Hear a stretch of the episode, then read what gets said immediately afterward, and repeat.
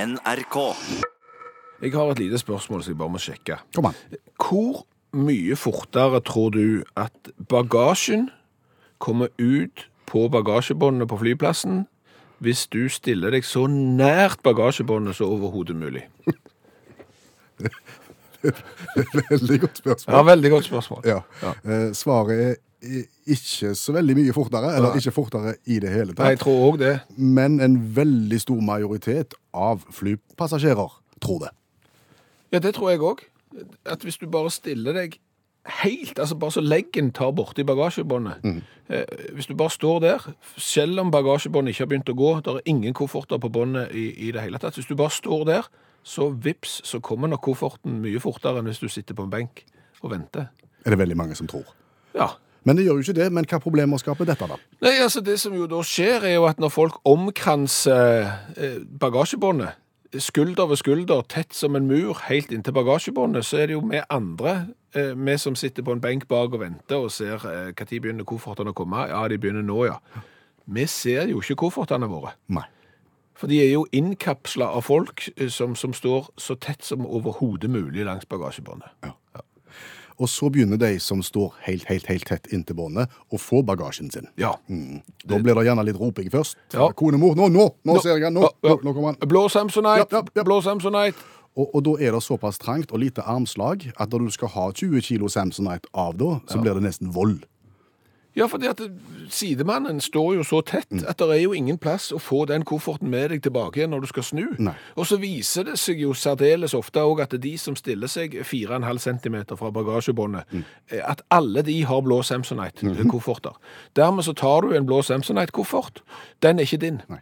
Da har du tatt den av, og det er ikke plass å ha den, for alle står så tett, Mm. og så skal du legge den på igjen, og det er ikke plass fordi at det er så tett. Og mens du skal legge på igjen, så ser du at din egentlig kommer. Ja. Og da, da har du det gående. Da- Jeg skjønner ikke de mekanismene der, jeg. Nei, eh, det er jo gjerne de samme menneskene som tror at eh, det går mye raskere dersom du står i starten av båndet, der som absolutt alle står tett inntil. Eh, i Ja, slu- Der kofferten kommer liksom ut av hullet i veggen. Ja. I stemmer. andre enden, Ja. eh, der er det jo nesten ingen folk, men, det, men da går det seint hvis du står der. Ja, fordi at en koffert tar vel ca. 30-45 sekunder fra han kommer ned på båndet til han er i andre enden. Og det er klart at de sekundene, de kan være gull verdt. Mm. Ja, Det får du ikke igjen. Nei, det, det, det får du ikke igjen. Nei. Og så er det jo ofte veldig liten planlagt eh, losse-lasse-politikk eh, i familiene. For det er gjerne far som står der framme og bakser alene. Ja, det er det jo ofte. Og så skal du da inn i denne klynga av mennesker og prøve å få ut tre kofferter, og så, og så få de bakover til resten av slekta som står. Altså, vi, vi har jo valgt en helt annen fremgangsmåte Jaha. i, i, i min familie. Vi sprer familien ut. Og ja, på forskjellige sjekkpunkt. Ja, så du får, I og med at det er så vanskelig å se hvor kofferten din er, siden hele bagasjebåndet er innkapsla av folk Mm. som står eh, fire centimeter ifra, så har vi en varslingspost Ja. først, eh, som signaliserer når eh, kofferten er på vei. Ja. Eh, Så har vi da én person som eh, går inn i mengden og napper ut bagasjen på rett tidspunkt. Og så har vi en, eh, en gard, Ja. altså en, en, en sviper i bakrom, som, som kan ta imot langpasningen, hvis du skjønner. Ja. Og så er det bare å fortsette. Så Smart. Varsling, uthenting, ekstraksjon, som vi kaller det Ja. hos oss. Og så bak til sviperen, eh, som, som tar bakrommet. Hadde, det, hadde alle tenkt sånn? Ja. Hadde alle tenkt sånn? Uten å stigmatisere, selvfølgelig. Ja, og ja, på ingen måte. Vi driver ikke med det. Nei, de som står en halv centimeter fra båndet, kjenn, Mm. kjenner en igjen de eh, på andre punkter av flyreisen? Ja, det gjør du. For det er de som stiller seg opp ved innsjekkingsskranken, eller der som du ombordstigningen når du skal inn i flyet. De stiller seg ved den skranken lenge før det er kommet eh, personell som betjener skranken. Stemmer det. Så står de der, Mm. eh, så kommer det folk i, eh, i den skranken. De roper jo opp da at nå er det ombordstigning, nå er det først de med sånn gullkort og sånn, og prioritering, de skal gå først ombord, så rad 1 til 10. Ja. Eh, De som står der og venter, de er fra rad 34 og bakover, så de skaper jo bare kaos der òg. Stemmer det. Når de da er kommet ombord i, i flyet, så står de i midtgangen og, og legger inn i hattehullet så ingen kommer forbi. Mm. Eh, Nå, veldig, st- det er ikke stigmatiserende, dette. Ikke i det hele tatt. Nei, og så når flyet da har landet, Ja. med en gang, eller Mhm. rett før det der eh, setebelteskiltet slukkes, så står du allerede. Ja, Selv om du er altfor lang til å stå under hattehullet, så står du med en knekk mot høyre i nakken Ja. og venter. Ja, det, det gjør du. Nei, det var ikke stigmatisering i det hele tatt. Det skulle tatt seg ut. Ja. Har vi smakt cola fra Tahiti før? Nei, det har vi ikke. Vi har smakt veldig mye cola fra store deler av verden, men aldri fra Tahiti. Nei, og det er nok kanskje fordi at Tahiti er jo, kan du si, i, i colaens støpeskje akkurat nå. De har, eh, de har hatt en lang og komplisert prosess med å komme i gang med egen eh, produksjon av, av cola, men, men det løsna for noen år siden. Plasser Tahiti på, på globusen for oss. Ja, altså, vi liker jo også å se verden nedenfra, hvis du skjønner. Eh, og det vil si at Tahiti har du til høyre for eh, Australia og New Zealand. Altså øst for der, og det, li- det Fransk Polynesia, Ja, det er en samling øyer. det er en samling øyer, og Tahiti er den største øyen eh, da, i fransk Polynesia, og det ligger så langt ifra alt annet. Det ligger midt ute i Stillehavet der, og, og det er langt. Og der har de starta egen colaproduksjon. Det har de. Eh, Karin Stråbø har vært eh, på Morea, fransk Polynesia, og kjøpt Tahitian Cola, fordi at i 19... I 19, ja. I 2016 så begynte de med egen colaproduksjon. Den er de veldig stolte av. Det er et 100 lokalt produkt, karakterisert med de fine boblene, og ikke minst den autentiske touchen av tahitisk vanilje. Å ja. Vi er jo veldig skeptiske til vanilje i cola. Ja. Det har vi gitt klart uttrykk for før, men nå skal vi være åpne. Nå skal vi teste denne. Eh, De kan godt hende de har lagt mye sjel i, i boblene og den eh, vaniljen sin. Eh, I selve flaska har de ikke lagt mye. Nei, den er helt streit. Det er plastflaske. Eh, farge svart og rød. Kunne nesten se ut som en sånn Cola Zero hvis du, hvis de skulle, hvis du skal sammenligne etiketten og designet med noe. Ja, Så står det Tahitian Cola, og så er det i bakgrunnen, hvis du ser veldig godt etter, så er det skyggen av en palme. Ja. Men, men der må jeg si at eh, det- der kunne de gjort mer ut av det, men det skal vi diskutere nå. Men da skal jeg gi karakter for kulhet. Nå er det først smaken av Tahitian Cola, med en touch av lokal vanilje.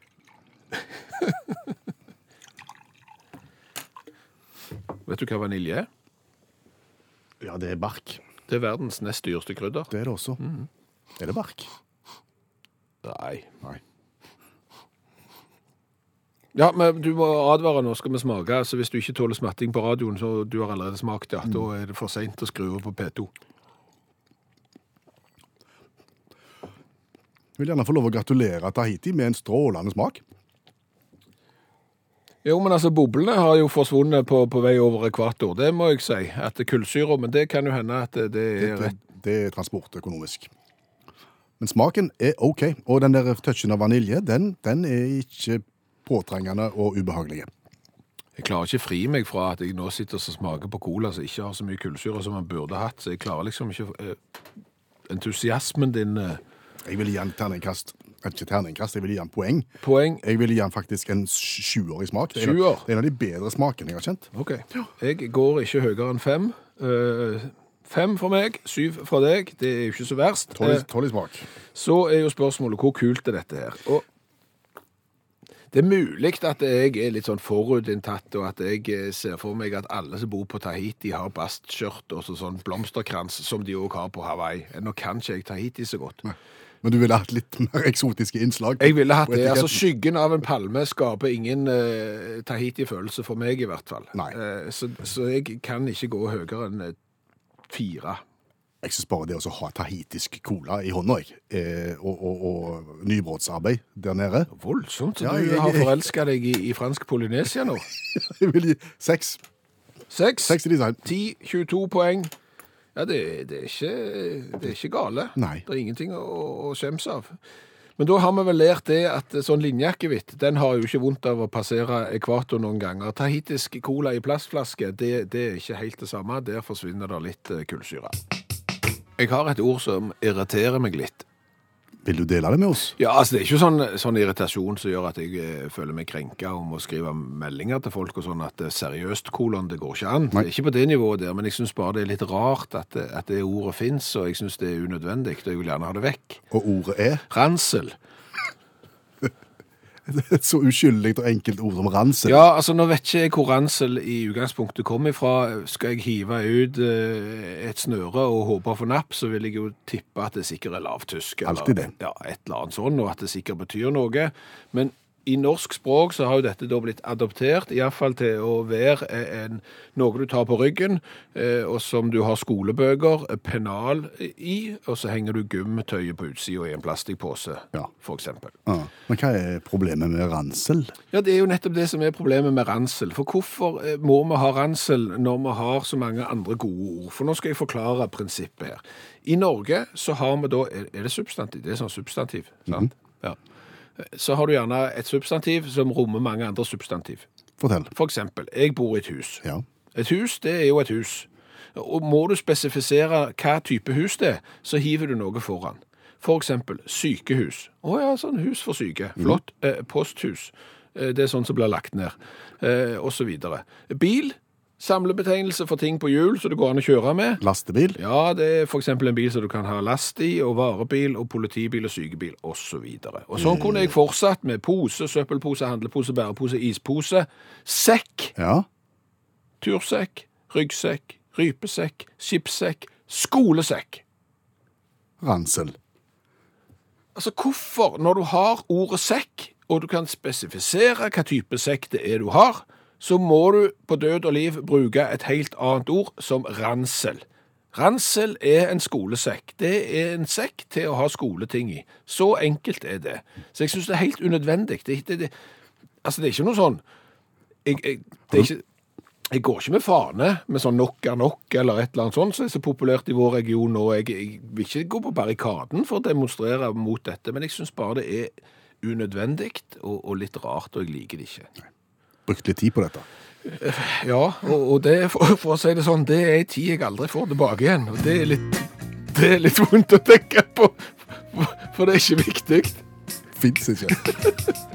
Du, Utakt er jo et interkommunalt program, men det er også et internasjonalt program. Ja, og det er vi jo kolossalt stolte av. Det er ikke bare fordi at f.eks. nordmenn sitter i, i Thailand og hører utakt, eller eh, norske sjømenn eh, sitter på sjø- sjømannskirka i, i New York og hører på utakt, f.eks., men det er jo fordi at det der er rett og slett utlendinger som ikke har norsk som morsmål, eh, som sitter i utlandet og hører på utakt. Det gjør Jack, for eksempel. Ja. Jack sitter i, i Nederland og snakker nederlandsk, men forsøker å lære seg norsk og forstår ganske mye norsk. Mhm. Han har fulgt oss lenge.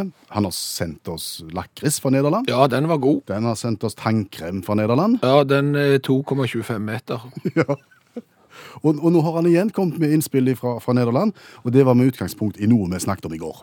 Ja, nemlig det faktum av at når du har tilbrakt lang tid i en butikk, fulgt handlevogna di til randen, og du skal jo da legge igjen penger i den butikken, og det er jo det den butikken lever av, at du rett og slett handler der, så skal du være nødt til å stå i lang kø for å at først skal det komme noen og betjene kassen, og så skal de andre foran deg få ta sine varer. Hvorfor må vi bruke tid på dette? Og da foreslo vi venterabatten. Stemmer det? Som en gründeridé. Eh, Ja. At du får betalt for å vente. Altså du blir trukket av i prisen. Mm. Ja.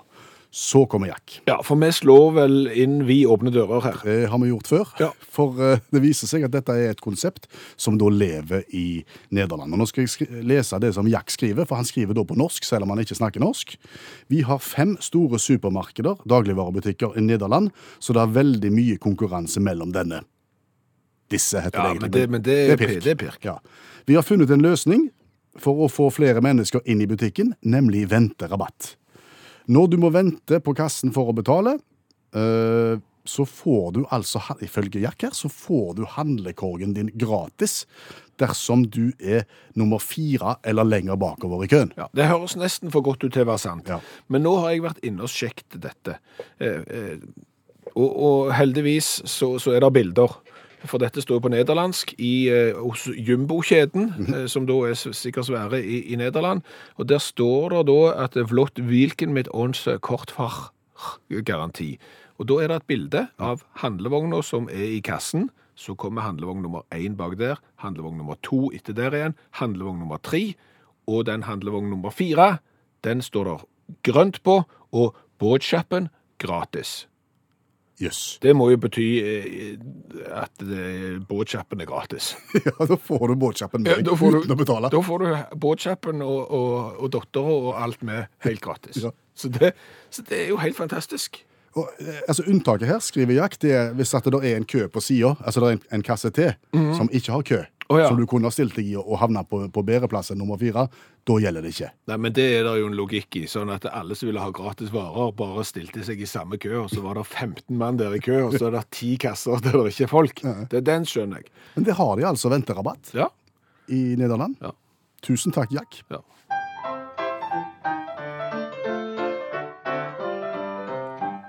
Det var en litt annen sjanger. Ja, det blir et helt annet uttrykk eh, på, på denne sangen enn på Emilie Nicolas sin. Den var jo var og flytende. Eh, Dette her blir eh, kort, eh, konsist og, og litt vasete. Ja, Dette er da dagens revyvise, der du skal eh, kommentere en sak i nyhetsbildet ved hjelp av en stuttsang. Ja, og etter å ha vært i Mexico et par ganger, så er jeg tilbake i idiotiens hjemland, iallfall eh, når det gjelder nyheter, det er jo fort USA. Og det var heller ikke ment som et forsøk på å stigmatisere noen som helst, men USA er jo en godtepose av rare nyheter. Det ypperste presten. Ja, det er det. Eh, Og i dag skal vi til St. Louis, for der er det nemlig en eh, leilighet som skal leies ut, som har vakt oppsikt, og og sågar harme. Fordi Eh, Fordi at ja, han er ikke stor. Han er 18,5 kvadrat. Det er jo litt lite. en kjempeliten leilighet. Og, og, og dermed så er det jo sånn at hvis du skal få ting inn på 18,5 kvadrat, så må du tenke alternativt. Du må kanskje tenke i høyden. Eh, Det kan du for så vidt gjøre, Eh, s- men det har de ikke tenkt. Nei. Eh, De har tenkt alternativt i den grad at de har plassert kjøkken og bad i samme rom. Au. Og, og det har folk reagert på, at de syns, eh, når du legger ut bilder av denne leiligheten og ser at du kan sitte på toalettet og legge hendene på kjøkkenbenken, eh, så er det noen som syns det er ugreit. For dette er da et gammelt hus, det er et flott strøk i St. Louis, det er West End, det er ikke måte på. 111 år gammel bygning som tidligere husa 12 luksusleiligheter. De ble da gjort om til 50 små leiligheter, og den minste er jo da 18,5 kvadrat. Da må du rett og slett ha toalett og dusj eh, på kjøkken. Ja. Eh, Så det er den jeg har tenkt å lage revyvisa om i dag. Men, men jeg har jo vært borti noe av det samme før. Eh, Toaletter og bad kombinert med kjøkken. Ja, nesten. Ikk- ikke toalett. Eh, Men jeg husker jeg var besøkt en kamerat eh, i Oslo som bodde i en ærverdig herregård. Og det er jo sånn at eh, når ting er gammelt, og, og så kommer det en utvikling, eh, og, og nye ting skal inn, eh, så må du gjøre om. Og da må du tenke kreativt, for det er ikke sikkert at det alltid passer. Hva hadde de gjort her? Nei, jeg kom inn og syntes jo for så vidt at kjøkkenet var stilig. Det var en gammel herregård, da er det jo fem meter under taket. De har valgt å gå oppover istedenfor å bruke arealet på gulvplan. Det er alltid viktig. Og så- For da kan du varme opp, sånn at det blir veldig varmt under taket og ingen andre plasser. Ja. Eh, og så hadde de en veldig flott eh, kjøkkenøy. Flisebelagt kjøkkenøy med ærverdige sånne eikeplater oppå. Og et, så- et sånt lite frittstående benk på en måte midt på kjøkkengulvet. Ja, ja, stemmer. Det er midt på kjøkkengulvet òg er stikkordet her. Akkurat. Det viser seg at det er jo en kjøkkenøy, men det er ikke bare det. Det er også Nei, det du da gjør er at du fester eh, en krok i, i benkeplater, og så ved, eh, ved hjelp av et fiffig taljesystem, så løfter du da benkeplaten opp mot taket. Jaha. Og når du da gjør det, så er det festet et dusjforheng på baksiden av benkeplater. På undersiden, sånn at du løfter, du heiser dusjforhenget opp. Litt sånn som David Copperfield gjør når han skal dra, dra opp noe som han skal gjemme damer inn i. Stemmer det, akkurat sånn. Og kjøkkenøyen er jo ikke en kjøkkenøy, det er et flislagt badekar. Så vips, så står du der og kan vaske salaten din og tomatene dine mens du ø, dusjer, og det er brillefint. Men ø, tilbake til leiligheten i ø, St. Louis. Der kan du i tillegg, det kunne du ikke i leiligheten i Oslo, der kan du sitte på do òg mens du er på kjøkkenet.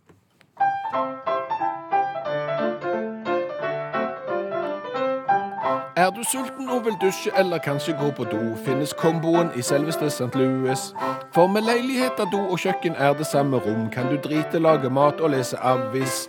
Og det eneste du savner nå, er seng. Den kan stå rett ved kjøkkenbenk og dusjforheng. Er du gidda løs og lat, men også veldig glad i mat, så finnes alt på 18,5 kvadrat. Og da ser jeg på klokka at den eh, er kvart på tolv, og det er siste uttaktprogram denne uka. Det betyr lekseprøve. Det gjør det. Eh, Det vi har funnet ut, er at det er svært mange som hører alle uttaktprogrammene i løpet av ei uke. Og det er ikke bare det at de hører programmene, de hører veldig godt etter òg. Mm. En får med seg detaljer langt ned Mm. i materien. Så vi tenkte, kunne det vært gøy å teste hvor mye folk egentlig husker? Ja. Ja, det kunne vi tenkt oss, så vi inviterte til lekseprøve. Kim våger å bli testa i temaet vi har vært innom i, i løpet av uka. Rett og slett uttaktprogrammet er pensum. Og mange hadde lyst til å være med, og vi måtte trekke, så vi trakk i dag Tor Inge Storlien. Vi skal til Bodø og sier hei til Tor Inge. Hei. Hei, du hadde lyst til å være med i lekseprøven. Ja. Føler du deg kvalifisert eh, med tanke på alt vi har vært igjennom denne uka? Ja, sånn passe. Vi får prøve. Ja, er det noen eh, mørke hull eh, i, i pensum her? Det, det jeg vet, vi får se når vi er ferdig. Vi kjører i gang. Nå er det lekseprøve. Denne uka, Tor Inge, så har vi etterlyst meterpris på tannkrem. Ja, for en helt vanlig eh, tannkremtube, der står det inneholder 75 milliliter med tannkrem. Men hva betyr det egentlig? Mhm. Derfor så sjekker vi hvor mange meter tannkrem fins egentlig inne i ei vanlig tannkremtube. Ja, det var jo eh, litt, litt over to meter. Vi god- vi godtar den. Ja, vi godtar den. Klarer du å huske centimeterne òg, Tor Inge? 20, 20 eller 23 eller 25 eller noe sånt. Ja, det, det var 25. 2 meter og 25 centimeter med tannkrem i en 75 milliliter tube. Det er bra. God start, Tor Inge. Vi går videre. Her er spørsmål to i lekseprøven. Eh, I programmet Utakt så har vi ei spalte som vi kaller for Da ble jeg flau, da. Eh, der lyttere deler sine flaue øyeblikk med oss. Ja, og denne uka så var det Sven Kjetil sin historie. Eh, Den utspant seg delvis foran TV-skjermen og delvis i Tyskland. Men hvorfor ble Svein Kjetil så flau da han så en Derek-episode sammen med sin bedre halvdel og svigerfamilien? Jeg tror det var en busstur eh, Busstur i Tyskland. Kjørte forbi et var det horehus. Og hva sa da Sven Kjetil når han eh, så Derek sammen med kona og, og svigerfamilie? Ja, det var ja, at han hadde vært der. Og så sa han etterpå da Historien er som følger. altså Svein Kjetil jobba i Tyskland, og, og hver dag i buss så reiste de forbi det statlige bordellet. Ja, der sto det 'Du kommt wie eine Fremde, aber geht wie ein Freund'. Ja. Og så Noen år senere så ble han sittende og se på en Derek-episode sammen med svigerfamilien og sin eh, bedre halvdel. Og når han ser da huset og skiltet, så utbryter Svein Kjetil 'Der har jeg vært'! Ja, det er en tabbe.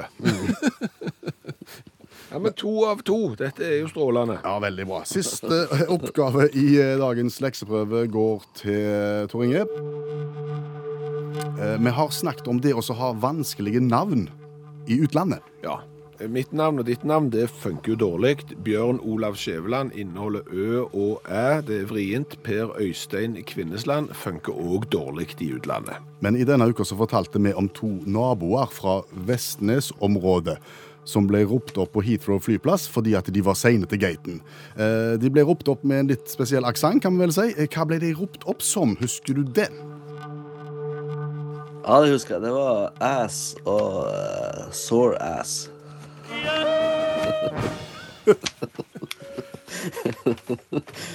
Det var eh, Mr. Ass and Mr. Sorass. Ja, det stemmer. Ås og eh, Sørås som dro fotballturen eh, ut i langdrag og virkelig skviste sitronen på Hydro flyplass òg. Det viser seg at uh, Tor Inge Storlien er jo en utaktlytter av, av rang. Absolutt. Tre av eh, tre rette. Bedre kan det ikke bli. T-skjorte med V-hals eh, på vei til deg, Tor Inge. Ha en god dag videre. Og så må vi jo bare si at det blir en ny lekseprøve i programmet neste torsdag. og Det betyr at du må følge godt med fra mandag av allerede og utover i hele neste uke. Og Hvis du har lyst til å bli testa og vinne T-skjorte, så må du melde deg på. Ta kontakt med oss, så skal vi plukke en deltaker til neste torsdag òg. Det gjør vi. Hva har vi lært i dag? Og du all verden, vi har lært mye i dag òg. Mm. Ja, med det. Eh, Vi har jo blant annet lært litt om nordmenns oppførsel eh, langs bagasjebånd på flyplass. Står gjerne 40, nei, 15 cm fra båndet før bagasjen har kommet på i det hele tatt. Ja, eh, Harald kan fortelle det. Han har eh, drevet med en del reising ytterskjærs med lokalfly i No- Nepal og India. Lokalfly i Nepal, ja. Aner ikke hvordan det er, men der er det sånn at når du da lander, så blir alles bagasje tømt i en diger haug på gulvet. Oi. Og så står alle 200 kofferteierne der, trykker mot en lang disk, og så er det å rope og skrike og prøve å få tak i bagasjen eh, sin, og jungelens lov gjelder her. Altså den som roper høyest og er utstyrt med de spisseste albuene, får bagasjen først. Det betyr at Harald får sin sist. Ja. Og når han da kommer hjem til Gardermoen og ser trengselen eh, rundt bagasjebåndet der, så tenker han ja ja, det er ingenting. Det er ilandsproblematikk. Ja. Eh, Så har vi jo lært det av, av Jack, nederlandsk uttaktlytter, eh, at i Nederland der har de venterabatt på supermarkedet. Er du nummer fem i køen, har fire foran deg, eh, så eh, får du rett og slett eh, handlekorga di gratis. Det høres for godt ut til å være sant, men når Jack sier det, så tror vi på det. Vi tror på Jack. Eh, vi har lært det at eh, tahitisk cola er ikke så verst, men kullsyra klarer ikke helt eh, turen over ekvator. Nei. Det har vi lært. Eh, så har vi jo lært litt om ransel. Har vi nå det? Ja, har vi nå egentlig det? Jeg liker jo ikke ordet- ordet ransel. Nei, når vi kunne sagt skolesekk. Ja. Men det som er greia her, er at selvfølgelig, og det er Tanja som kan fortelle dette, så skal vi da til Tyskland for å finne opphavet til ordet ransel. Ja, det gjetter vi jo. Ja, men, det, men du rett- gjetta ikke helt rett. Å nei, det var ikke For dette lavtysk. Ramsel ko- jo, altså, kommer fra middelnedertysk. Fra Middelnedertysk. Ransel med Z. Og det er ransel. Ransel. Stemt Z. Ja. Eh, Som igjen kommer fra eldre nyhøytysk. Altså Først skal du på middelnedertysk før du skal på eldre nyhøytysk. Og da er du rundt 1650 pluss minus. Eh, Og dette er da en sånn en ryggsekk av eldre modell, eh, en såkalt tornist. En tornist. Ja, og tornist er en firkanta ransel for et vas av kalveskinn, som særlig ble brukt som matsekk av fotsoldater på 1800- og 1900-tallet. Ok. Og nå lærte jeg ingenting, for jeg klarer ikke å huske noe av det. Det er bare rot. Når du sier Tyskland og og turnist, så tenker jeg på, på bobilturnist. det er noe helt annet. Det er noe helt annet. Det er ny, nyhøytysk eller middelnedertysk. Hør flere podkaster på nrk.no podkast.